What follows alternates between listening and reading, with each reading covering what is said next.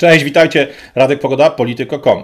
E, ostatnie dwa nasze materiały na kanale, zarówno ten nagrany przeze mnie solowo, jak i nasza rozmowa, rozszerzona rozmowa na te same tematy z Rafałem, e, wzbudziły spore Wasze zainteresowanie. Po przede wszystkim tematy, które żeśmy poruszali, czyli właśnie możliwe scenariusze rozwoju sytuacji związane z wyborami prezydenckimi w Stanach, e, przewidywanie tego, co może się stać, jeżeli wygra Joe Biden, jaką będzie przyjmował politykę, a przede wszystkim cały wątek związany z tą strategią konia trojańskiego, która według mojego przekonania siedzi głęboko w planach demokratów. E, te komentarze wskazują, że część z Was uważa, albo części z Was wydaje się, e, że razem z Rafałem jesteśmy wielkimi zwolennikami Trumpa. E, tymczasem prawda jest zupełnie inna. Tak naprawdę na politykę amerykańską wobec Polski wpływ mają nie tylko ci, te pojedyncze jednostki, ci pojedynczy ludzie, tacy jak właśnie prezydent czy wiceprezydent Stanów Zjednoczonych, którzy są na froncie, którzy stoją przed kamerami i opowiadają o tym, co się będzie działo, ale na to, jak Ameryka będzie wobec Europy, Europy Środkowej i Polski w szczególności, czy też Węgier jako tych najbardziej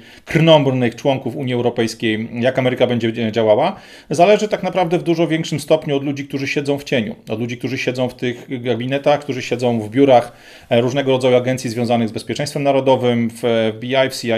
w różnego rodzaju agencjach i agendach, które E, zajmują się najróżniejszymi elementami e, związanymi z polityką amerykańską, i tą wewnętrzną, i tą zewnętrzną. E, natomiast nasze spojrzenie jest zupełnie inne. Chcemy Wam pokazać, w jaki sposób funkcjonuje dzisiejszy świat polityki, jak bardzo polityka ta jest brudna, jak bardzo polityka ta jest zmanipulowana, w jak ogromnym stopniu jest właśnie poddawana wpływom różnego rodzaju aktorów z tylnego fotela. I żeby zachować pewnego rodzaju równowagę, żeby pokazać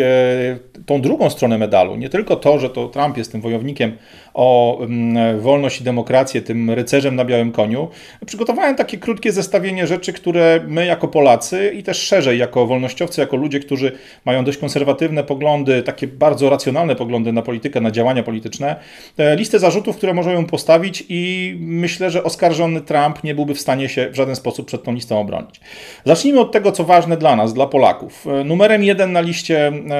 tak naprawdę zarzutów czy żali, które Polacy jako naród Polacy czy polscy politycy mogą mieć do Bidena, to przede wszystkim temat związany z tym, w jaki sposób on, jego administracja traktuje Polskę. Polskę jako państwo, Polaków jako naród, e, nasze miejsce w Europie, nasz interes narodowy. E, rzeczą, która jest absolutnie kluczowa i która najczęściej pojawia się w mediach, jest słynna ustawa 447. Ustawa, która za czasów Trumpa przez stuprocentowo e, aklamacyjne głosowanie amerykańskiego parlamentu obydwu izb przeszła bez absolutnie żadnego sprzeciwu. Tymczasem no, wokół tej ustawy u nas w Polsce narosło masę plotek, masę informacji, które nierzadko są sprzeczne. E, polski rząd położył się całkowicie i wszystko to, co na temat ustawy 447 mówił, można z łatwością zakwalifikować jako kłamstwo albo przynajmniej próbę manipulacji. E, tymczasem to, o czym ta ustawa mówi, może mieć e, i prawdopodobnie będzie miała bardzo poważne konsekwencje i następstwa dla funkcjonowania naszego państwa, naszej gospodarki, naszych stosunków własnościowych wewnątrz kraju. Co mówi ustawa 447? Ustawa 447 dotyczy pomocy, którą amerykański Departament Stanu, czyli de facto cała masa, cała siła amerykańskiego e, aparatu państwowego, ma udzielić organizacjom, które zajmują się restytucją mienia e, żydowskiego, organizacjom, które niektórzy prawicowi publicyści nazywają przemysłem Holokaustu, inni po prostu twierdzą, że są to organizacje, które w jakimś tam sposób dbają o interesy rodzin Żydów, Żydów pomordowanych w czasie latach II wojny światowej, w czasie Shoah, czy po naszemu w czasie Holokaustu. E, te organizacje dzięki ustawie 447, dzięki bardzo, bardzo mocnej pozycji tego stronnictwa żydowskiego w amerykańskim parlamencie, w amerykańskich władzach, będą mogły oczekiwać i będą miały prawo oczekiwać od e, amerykańskiej władzy, od amerykańskiego rządu bardzo silnego wsparcia, bardzo silnego pilnowania czy pomagania im w różnego rodzaju projektach, które związane są właśnie z odzyskiwaniem mienia pożydowskiego e, z krajów, które dotknięte były działaniami II wojny światowej. Ustawa 447 dotyczy bardzo mocno Polski, no bo nie czarujmy się, z terenu Polski pochodziło najwięcej Żydów, szczególnie tych biednych Hasydów, e, Żydów biednych, Hasydów, ludzi, którzy e, byli ortodoksyjnymi Żydami, którzy przez wojnę przeszli no naprawdę potwornie, potwornie przetrzebieni, bo oni byli najłatwiejsi do znalezienia przez Niemców, najłatwiejsi do usunięcia, e, ale też dotyczy innych krajów w naszym rejonie, bo majątki żydowskie na rzecz Niemiec, na rzecz Rosjan po II wojnie i w czasie jej trwania przepadały w różnych innych krajach. Dla nas na pewno temat ustawy 447 to w jaki sposób Trump całkowicie stanął po jednej stronie barykady, całkowicie stanął za jednym e, tylko typem proponowanych rozwiązań za jednym interesem jednej strony może być ewidentnie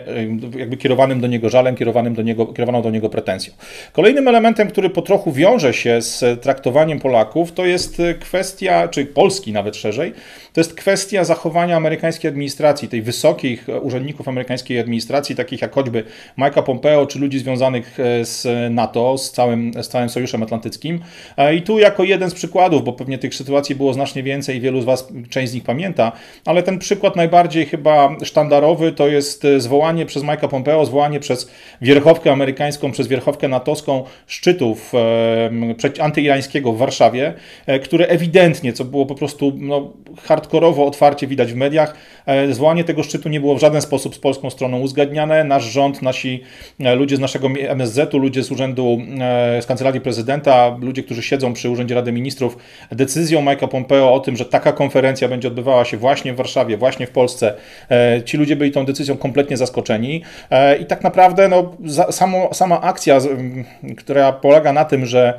E, mocniejsze państwo, mocarstwo dysponuje absolutnie samodzielnie, bez żadnego zapytania, przynajmniej zachowania pozorów, terenem, e, marką, nazwą kraju, w którym taka konferencja się odbywa, no to jest coś, co sprawia, że jakby jasno widać, jaka jest pozycja Polski w stosunku do swojego głównego sojusznika, jak bardzo nisko jesteśmy na liście tych krajów, z którymi Ameryka się liczy. E, a dwa, pokazuje też bardzo jasno, że Amerykanie w swoich interesach, zarówno administracja Trumpa, która w tej chwili możliwe, że odejdzie, jak i na pewno administracja następne, bo Obama, czyli demokraci, którzy wcześniej rządzili, pokazywali to jeszcze dosadniej. E, administracja amerykańska, ta naczelna władza absolutnie Polski nie szanuje, traktuje nas jako sojusznika trzeciej kategorii, jako jakąś tam piątą wodę po kisielu, jako narzędzie, którym mogą się posługiwać w ramach rozgrywki europejskiej na tej arenie Europy, w ramach e, pewnego rodzaju karty przetargowej. E, zarówno my, jak i Węgrzy, jak też kraje nadbałtyckie, te wszystkie narody, te wszystkie kraje, które są w jakiś tam sposób postawione w imadle między Niemcami i Rosją, te tereny, ci ludzie, te kraje, te, kraje, te państwa są cały czas przez Amerykanów wykorzystywane bardzo instrumentalnie do rozgrywania ich polityki światowej, do rozgrywania tych wielkich potęg, takie jak Chiny, jak Niemcy, jak właśnie Rosja. E, tu niestety zorganizowanie przez Majka Pompeo, zorganizowanie przez służby natowskie konferencji antyirańskiej na terenie Polski nie tylko sprawiło, że zostaliśmy no, pokazani światu jako zupełnie właśnie partner trzeciej kategorii, jako siła, z którą Amerykanie kompletnie się nie liczą, bo tej siły nie ma. Tego typu zachowanie, tego typu konferencja jasno pokazuje nie tylko, jak bardzo Amerykanie nie liczą się z Polską jako państwem, jako e, aktorem w tej grze międzynarodowej, ale też bardzo mocno blokuje nasze polskie interesy w relacjach właśnie z Iranem, w relacjach e, z innymi krajami na Bliskim Wschodzie. No bo tak naprawdę Amerykanie z automatu wrzucili nas do wora swoich sojuszników, do wora tych sojuszników w 100% od siebie uzależnionych, do um, jakby listy krajów, z którymi nie można robić interesów z pominięciem ośrodka władzy, który znajduje się w Waszyngtonie albo w Nowym Jorku, jak to woli. E, co więcej, no oczywiście tego typu konferencja zorganizowana w Warszawie, zaangażowanie Polski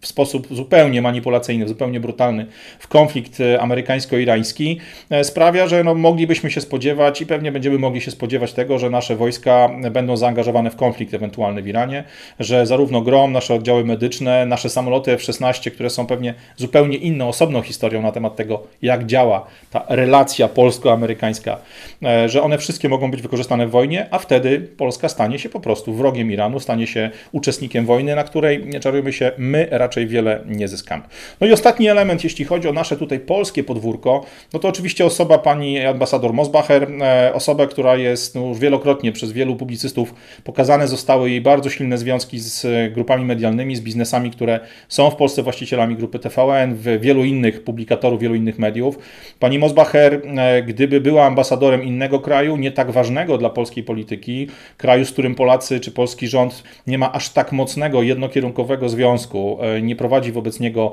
bezalternatywnej polityki zagranicznej, e, taki ambasador prawdopodobnie zostałby uznany jako persona non grata i wydalony z kraju. No, tymczasem pani Mosbacher przez kilka lat swojej pracy tu w Warszawie pokazała, że z polskim rządem absolutnie się nie liczy, że to ona ma ostatnie słowo w różnego rodzaju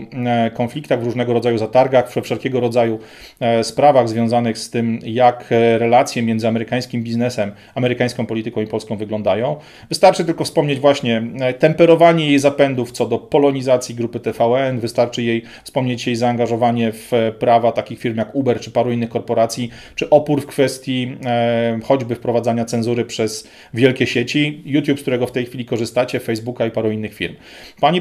ambasador Mosbacher jest osobą bardzo, bardzo mocno, można powiedzieć, wykraczającą poza ten taki dobry standard, dobre praktyki ambasadorskie, natomiast jej zachowanie ewidentnie jakby wynika z tego, że polski rząd z Ameryką negocjuje na kolanach, że nie ma żadnej innej alternatywy, bo tylko na Amerykę nastawił swój celownik i tylko z Amerykanami może cokolwiek rozgrywać. E, tyle jeśli chodzi o stronę polską. Pewnie każdy z Was coś więcej widzi, coś więcej jeszcze mógłby dołożyć do, tego, do tej listy zarzutów, które my Polacy moglibyśmy e, samemu Trumpowi, ale też ludziom z jego otoczenia, ludziom z jego rządu postawić. Natomiast spójrzmy na to też trochę szerzej.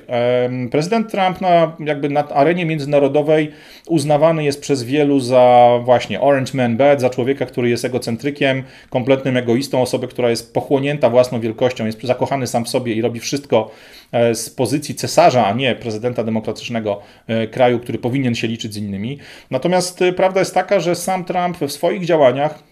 bardzo często, tak jak nasz rząd przez panią Mosbacher i właśnie amerykańskie organizacje. Tak samo Trump w Stanach Zjednoczonych bardzo mocno pozostaje pod super silnym wpływem organizacji żydowskich. E, jest ewidentnie, nawet jeśli nie sterowany, bo to pewnie za dużo powiedzieć, ale ewidentnie jest pod super silnym wpływem lobby żydowskiego, biznesu żydowskiego, e, żydowskich think tanków, ludzi, którzy wokół interesów e, właśnie żydowskich na arenie międzynarodowej się opowiadają.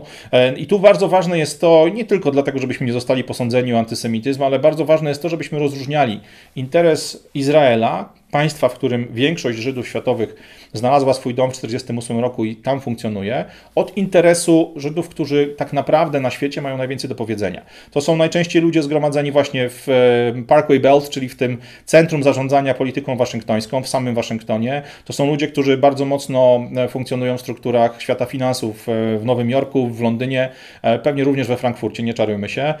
To właśnie ta syjonistyczna, ta bardzo mocno zaangażowana w globalistyczne działania grupa ludzi pochodzenia żydowskiego, to są osoby, to są organizacje, to są siły, pod, jakby pod wpływem których Trump musi działać. E, przeniesienie ambasady e, amerykańskiej do Jerozolimy z Tel Awiwu, e, podporządkowanie Palestyny Izraelowi w ramach tak zwanego traktatu pokojowego,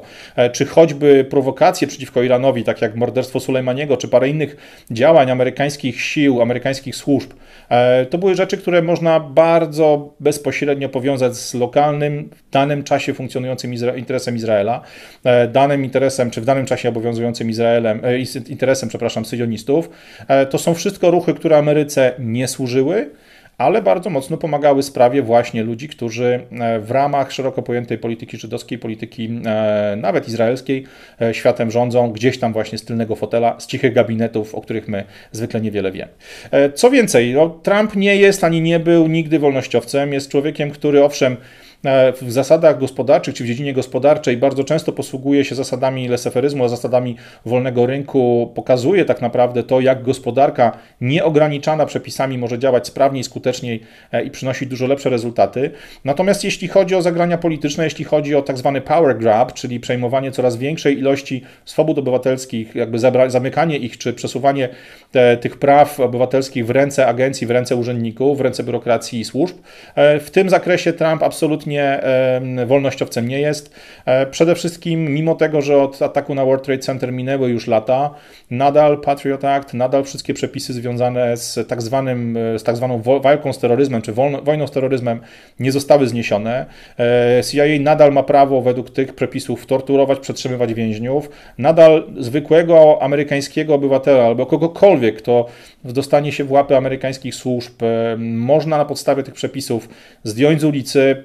przetrzymywać go w odosobnieniu bez żadnych praw, bez adwokata, bez e, limitu przetrzymania. To nie jest tak jak u nas 48 godzin na dołku i wychodzisz do domu. Tam e, ludzie znikają z ulic i naprawdę na długie tygodnie czy na długie miesiące są trzymani w areszcie wydobywczym, są trzymani pod zarzutami. Ale co jest bardzo ważne, kompletnie w sprzeczności z amerykańską konstytucją, e, żeby taką osobę z ulicy zgarnąć, żeby taką osobę aresztować, żeby taką osobę zatrzymać i oddać w ręce właśnie amerykańskich służb do tego przeznaczonych, nie jest wymagane żaden, y, żaden wyrok czy żadna decyzja, którą zawiera ława przysięgi. Tymczasem nieusunięte przez Trumpa przepisy nadal pozwalają takie, e, takie działania prowadzić. E, Trump nie zrobił też absolutnie nic, jeśli chodzi o inwigilację e, amerykańskich obywateli przez amerykańskie służby. Zresztą nie tylko amerykańskich obywateli. Pamiętacie starą aferę, kiedy to Amerykanie podsłuchiwali telefon komórkowy Angeli Merkel. Przepisy, które wtedy obowiązywały, do dzisiaj są praktycznie niezmienione.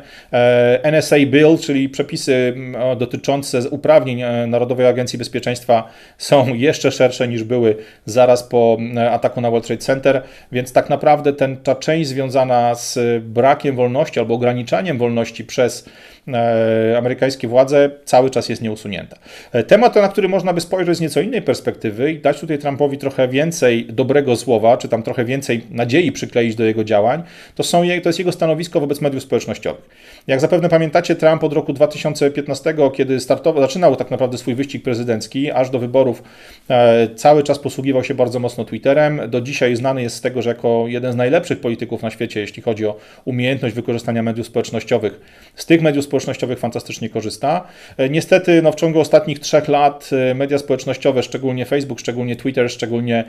YouTube, bardzo mocno wpływały na to, że część materiałów, część informacji dotyczących polityki Trumpa do ludzi po prostu nie docierała.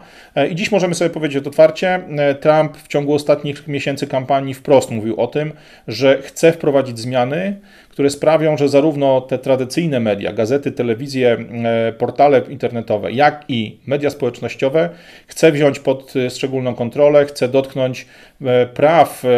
tych prywatnych organizacji, chce sprawić, żeby one były traktowane w ramach prawa amerykańskiego tak samo jak dostawcy wody, dostawcy energii, jako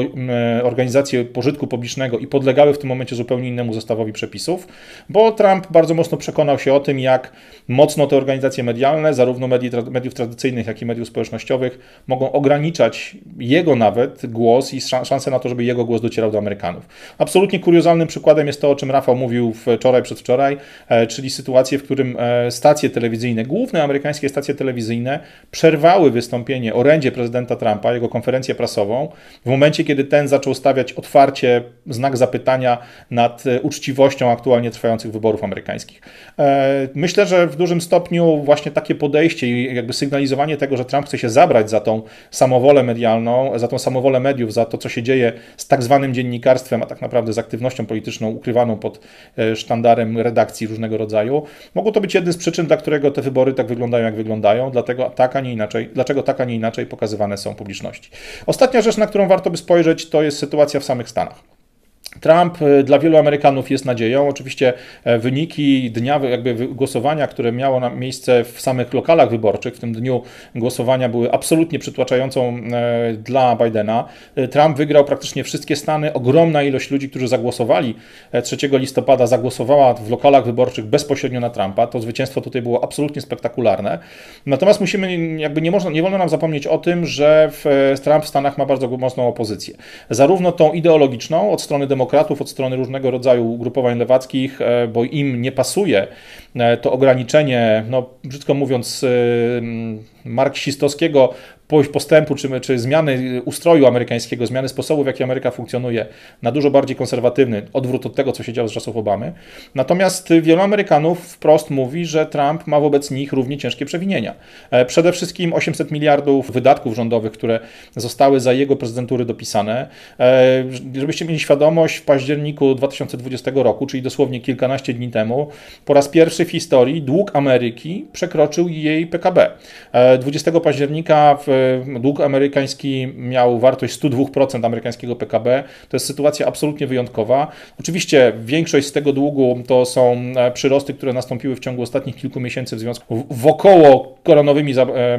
działaniami, ale nie czarujmy się, Trump sam z siebie bardzo mocno podwyższył wydatki na wojsko, bardzo mocno podwyższył e, jakby wydatki związane z tym, że ciął podatki, próbował sprowadzać amerykański biznes z powrotem do kraju, obniżał podatki też dla najlepiej zarabiających Natomiast nie czarujmy się, ogromny wpływ tego, co dzieje się w sytuacji fiskalnej, w sytuacji długu amerykańskiego, to jest wpływ rzeczy, które odziedziczył po poprzednikach. Jeśli popatrzymy sobie na zestawienie zadłużenia, które, czy tam wydatków publicznych, które wygenerował Trump w porównaniu z Obamą, to Trump nadal nie, nie dorównuje swojemu poprzednikowi. Ostatnia rzecz, którą, na którą chciałbym jakby zwrócić Waszą uwagę, to są te tematy, które podnoszą sami Amerykanie, o których w Stanach mówi się głośno, a do nas, do Europy te rzeczy praktycznie nie docierają. To są przede wszystkim cła, które w ramach walki z Chinami Trump nałożył na handel, który między tymi dwoma krajami funkcjonuje. Dziś cłami obłożone są panele solarne, temat, który staje tak samo jak w Polsce od lat już jest bardzo ważnym elementem budżetu domowego czy wydatków inwestycyjnych wielu amerykańskich gospodarstw domowych. E, cłem obłożona jest stal, obłożone jest aluminium, obłożone są gotowe wyroby, na przykład pralki. E, I tak naprawdę, oczywiście, idea, która stoi za tymi cłami jest szczytna, no bo chodzi o to, żeby Amerykanie część produkcji, część tej bazy produkcyjnej ściągnęli z Chin z powrotem do siebie, ale tak naprawdę, jeśli popatrzymy na efekty tych działań, no to nie czarujmy się, koszty takich ceł e, w 100% ponosi amerykański obywatel, mając je po prostu zamknięte w cenach towarów, e, a tak naprawdę wszelkie te zmiany najmocniej dotyczą tych ludzi, którzy w tej chwili przez każdy rząd na świecie są mocno dojeni, czyli klasy średniej, tych ludzi, którzy faktycznie jakieś pieniądze na rynku wydają. E, oprócz ceł na produkty importowane z Chin, Trump zablokował kilka programów związanych z właśnie wolnością w Stanach. Przede wszystkim program, który nazywa się Startup Visa. To był program, który pozwalał e, osobom spoza Stanów Zjednoczonych, które miały fajny pomysł na biznes, które chciały skorzystać e, z, tego, z tej dynamiki, która funkcjonuje zarówno w Dolinie Krzemowej, jak i w wielu innych miejscach w Stanach. Takie osoby mogły złożyć swój wniosek, mogły złożyć dokumenty w amerykańskim konsulacie czy ambasadzie gdzieś na świecie. Taki wniosek był rozpatrywany, czy jest sensowny, czy faktycznie daje szansę powodzenia takiemu projektowi biznesowemu i dostawały wtedy, niezależnie od tego, z jakiego kraju pochodzą, dostawały wtedy wizę właśnie związaną z tym, że mogą do Stanów wjechać na warunkach e, dość preferencyjnych, otworzyć w Stanach biznes i właśnie z e, tego amerykańskiego rynku, z tego, z tego korzystając z amerykańskiego bardzo dobrego prawa właśnie dla biznesów różnego rodzaju elektronicznych, internetowych korzystać. E, Trump zaraz na początku swojej prezydentury, kiedy mocno ograniczył możliwość wjazdu do kraju ludzi z krajów muzułmańskich, również ten program Startup Visa przyblokował. E, oprócz tego właśnie e, Travel Ban, czyli coś, co już w roku 2017 miało zablokować napływ muzułmanów, napływ różnego rodzaju ludzi, którzy mogli być powiązani e, z arabskim terroryzmem do Stanów Zjednoczonych. Te, te przepisy związane właśnie z wolnością podróżowania do Stanów dla obywateli wielu krajów zostały wprowadzone i do dzisiaj są utrzymane. Żebyśmy mieli świadomość, w roku 2017 Trump wprowadził zakaz wjazdu, albo inaczej, mocno zaostrzył przepisy, które pozwalały obywatelom kilku krajów na uzyskanie amerykańskiej wizy wjazdowej. I te kraje to Iran, Irak, Libia, Somalia, e, Sudan, Syria, Jemen. To są kraje, które oczywiście są krajami muzułmańskimi, bardzo mocno były e, historycznie jakby związane z ruchami terrorystycznymi. Te ograniczenia były zmieniane, w jednym momencie pojedyncze kraje z tych, z tych ograniczeń wypadały i no, się pojawiały, ale żebyśmy my z Polski, ludzie, którzy nie mają pojęcia o tym, o jakich cyfrach mówimy, żebyśmy mogli zrozumieć, jaka jest skala, jaka jest siła tych, tych, tych zakazów, wystarczy powiedzieć, że no, w, jeśli chodzi o ludzi, którzy chcieli do Stanów Zjednoczonych wjechać, a byli obywatelami Iranu, to po wprowadzeniu przez Trumpa tego zakazu podróżowania 92% wniosków wizowych, które były składane na wjazd obywateli Iranu do Ameryki było odrzucanych. 86% wniosków ludzi z Somalii, 83% ludzi z Jemenu i tak dalej, i tak dalej. No jeżeli mówimy o obcięciu ilości wydawanych wiz o 80-90%, to mówimy tak naprawdę o w pełni otwartym zakazie wjazdu dla większości, większości ludzi, którzy do Ameryki chcieliby wjechać, chcieliby w Stanach e, otworzyć jakiś biznes, chcieliby ze Stanami handlować, chcieliby robić cokolwiek innego. To są rzeczy, które Amerykanie Trumpowi zarzucają. No i ostatnie dwa elementy, które pewnie dla nas mogą się wydawać śmieszne, bo e, albo tak jak zakaz sprzedaży wyrobów, jakby papierosów elektronicznych, czyli tak zwany vape ban. E, u nas jest to nie do pojęcia, bo większość ludzi przerzuciła się ze zwykłych papierowych fajek na, na papierosy elektroniczne. W Stanach ten zakaz obowiązuje. Ale jest też jeden zakaz, który bardzo mocno dotyka ludzi, którzy za Trumpem zawsze bardzo mocno stali, czyli tak naprawdę tego środkowego zachodu czy południa, e, czyli stanów takich jak Teksas,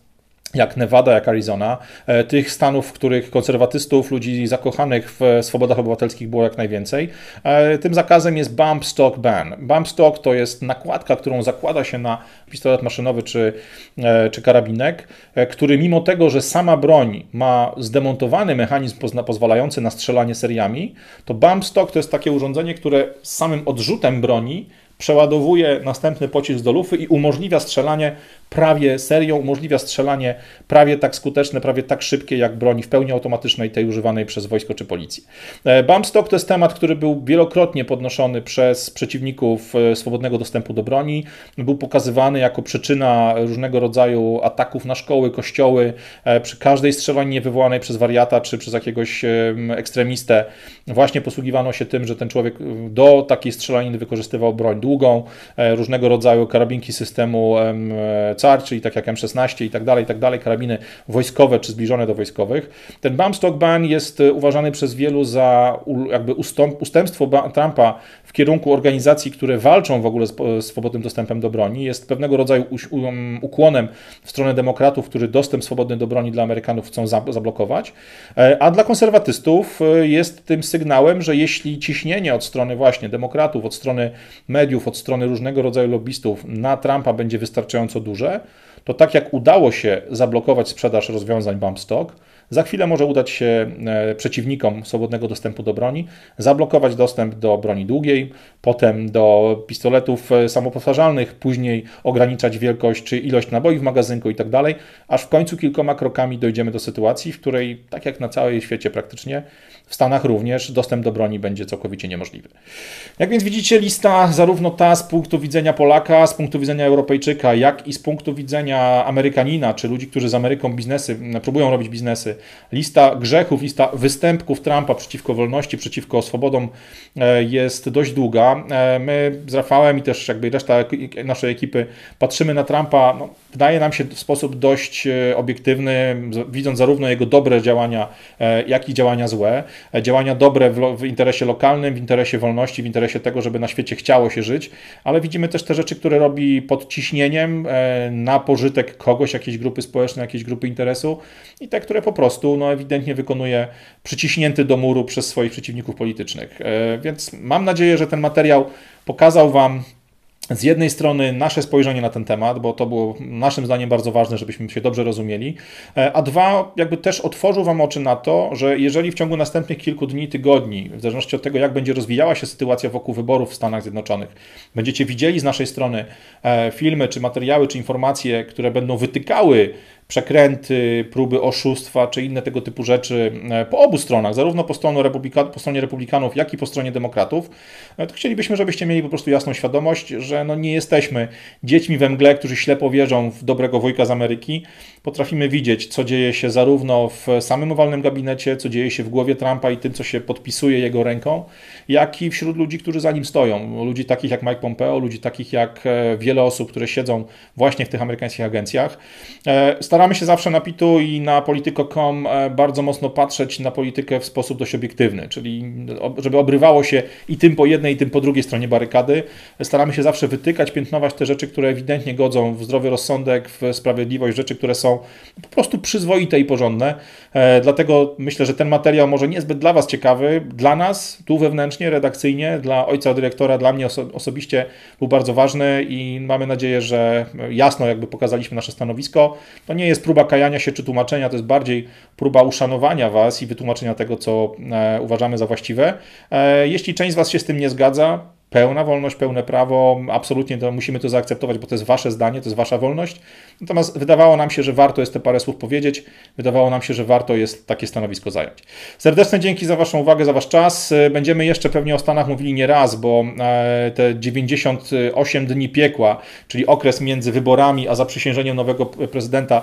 dopiero się zaczyna. Patrząc na cuda, które działy się nad urnami, patrząc na zamieszanie wokół głosów korespondencyjnych, na to wszystko, co dzieje się w Stanach, pewnie jeszcze nie raz będziemy się nad tym tematem pochylali. Mam tylko nadzieję, że tym razem będziecie już wiedzieli jasno, jakie są nasze intencje i będziemy mogli w komentarzach i gdzieś tam przy okazji spotkań osobistych no, gadać ze sobą w sposób normalny, otwarty, taki jak e, uważamy jest jedyny właściwy. Serdeczne dzięki, trzymajcie się, Radek Pogoda, Polityko.com. Do następnego. Cześć!